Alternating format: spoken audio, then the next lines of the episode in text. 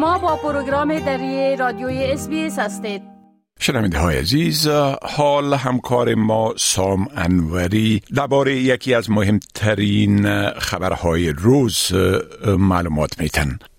آقای انوری سلام عرض می کنم خب مهمترین خبری که امروز شما می‌خواین درباره او صحبت بکنین چی است؟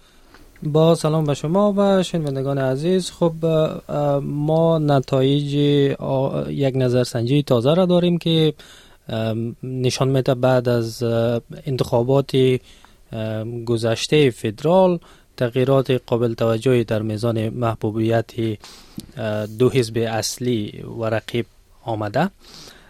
یک نظرسنجی تازه که در روزنامه های گروه رسانه‌ای ناین منتشر شده حاکی از صعود چشمگیر محبوبیت حزب کارگر و نخست وزیر انتونی البنیزی و سقوط آزاد محبوبیت ائتلاف و رهبر اپوزیسیون پیتر داتون دارد.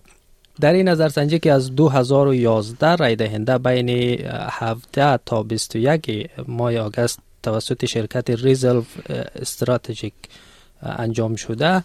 حزب کارگر از زمان پیروزی در انتخابات گذشته آرای ابتدایی خود را از 32.6 درصد به 42 درصد افزایش داده. اما در مقابل آرای ابتدایی ائتلاف به رهبری پیتر داتون از 35.7 درصد در انتخابات گذشته به 28 درصد سقوط کرده. آرای ابتدایی نمایندگان مستقل مجلس هم از 5.3 درصد در انتخابات گذشته به 8 درصد افزایش یافته. همچنین مطابق نظرسنجی آرای ابتدایی حزب سبز در حدود 12 درصد و ون نیشن در 5 درصد بدون تغییر باقی ماندند در حالی که آرای ابتدایی حزب یونایتد استرالیا یا حزب استرالیای متحد بیش از دو درصد سقوط کرده. بله. خب در این نظرخواهی در نتیجهش که نشر شده چی گفته شده در ارتباط به صدر اعظم ترجیحی یعنی رای دهنده ها بیشتر از کدام یک از رهبران احزاب عمده حمایت می‌کنند؟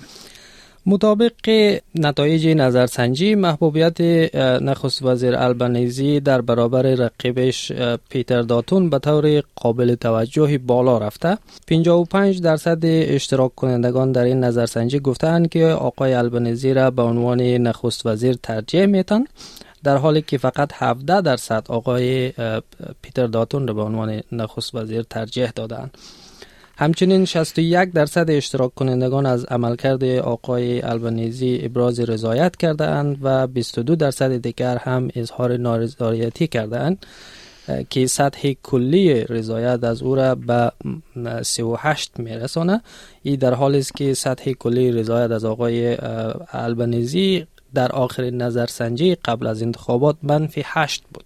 در مقابل سطح کلی رضایت از آقای داتون منفی هشت بوده در این نظر سنجی فقط سی درصد اشتراک کنندگان گفتند که از عملکرد آقای داتون راضی هستند در حالی که 38 درصد دیگر ابراز نارضایتی کردند بله. خب در این نظرسنجی در مورد این مسئله که کدام یک از احزاب بزرگ در مورد موضوعات خاص کشوری پیشتاز هستند. بله حزب کارگر محبوبیت خود را در رابطه به مدیریت مسائل خاص ملی هم افزایش داده در حالی که در آخرین نظرسنجی قبل از انتخابات حزب کارگر در قسمت مدیریت اقتصاد ده امتیاز از ائتلاف عقب بود. در این نظرسنجی نو امتیاز از ائتلاف پیشی گرفته. در پاسخ به این سوال که کدام حزب را در قسمت مدیریت اقتصادی برتر می دانید 39 درصد کارگر و 30 درصد ائتلاف را ترجیح دادند. در قسمت امنیت ملی و دفاع 35 درصد کارگر و 31 درصد ائتلاف را خوب دانستند در قسمت محیط زیست و مبارزه با تغییرات اقلیمی 39 درصد کارگر و 13 درصد ائتلاف را برتر دانستند در زمینه شغل و دستمزد هم 38 درصد کارگر و 22 درصد ائتلاف را بهتر دانستند از نگاه عملکرد سیاسی حزب کارگر با تفاوت بسیار زیاد از ائتلاف پیشی گرفته. به طور مثال 50 درصد رای دهندگان گفتند که حزب کارگر مسائل را به درستی اطلاع رسانی می‌کنه 49 درصد گفته که کارگر تیم متحدی در پشت رهبر خود داره. 46 درصد گفتند که کارگر به مردم گوش میده و به مسائل درست تمرکز داره.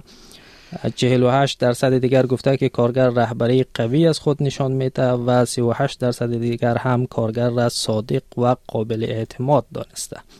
اما در مقابل فقط 12 درصد رای دهندگان گفتند که ائتلاف اطلاع رسانه درست داره 13 درصد هم گفتند که ائتلاف تیم ائتلاف متحد است. 14 درصد گفته که ائتلاف گوش شنوا داره و روی مسائل درست متمرکز است. 17 درصد هم ائتلاف را دارای رهبری قوی دانسته و 13 درصد ائتلاف را صادق و قابل اعتماد دانسته. و در آخر قابل یادآوری می‌دانیم که بدون شک رسوایی سیاسی اخیر ناشی از پنهانکاری های اسکات مارسون در دوران نخست وزیریش به حزب کارگر در بدست آوردن این محبوبیت فوق العاده کمک کرده. بله و معلوم میشه که این یک پیروزی تا به حال برای حزب کارگر است و دیده شود که بعدا چی واقع میشه. آقای انوری از این معلوماتتان یک جهان تشکر و فعلا شما را به خدا می سپارم. روزتان خوش. تشکر از شما. خدا نگهدار. بپسندید شریک سازید و نظر دهید. اسپیس دری را در فیسبوک تعقیب کنید.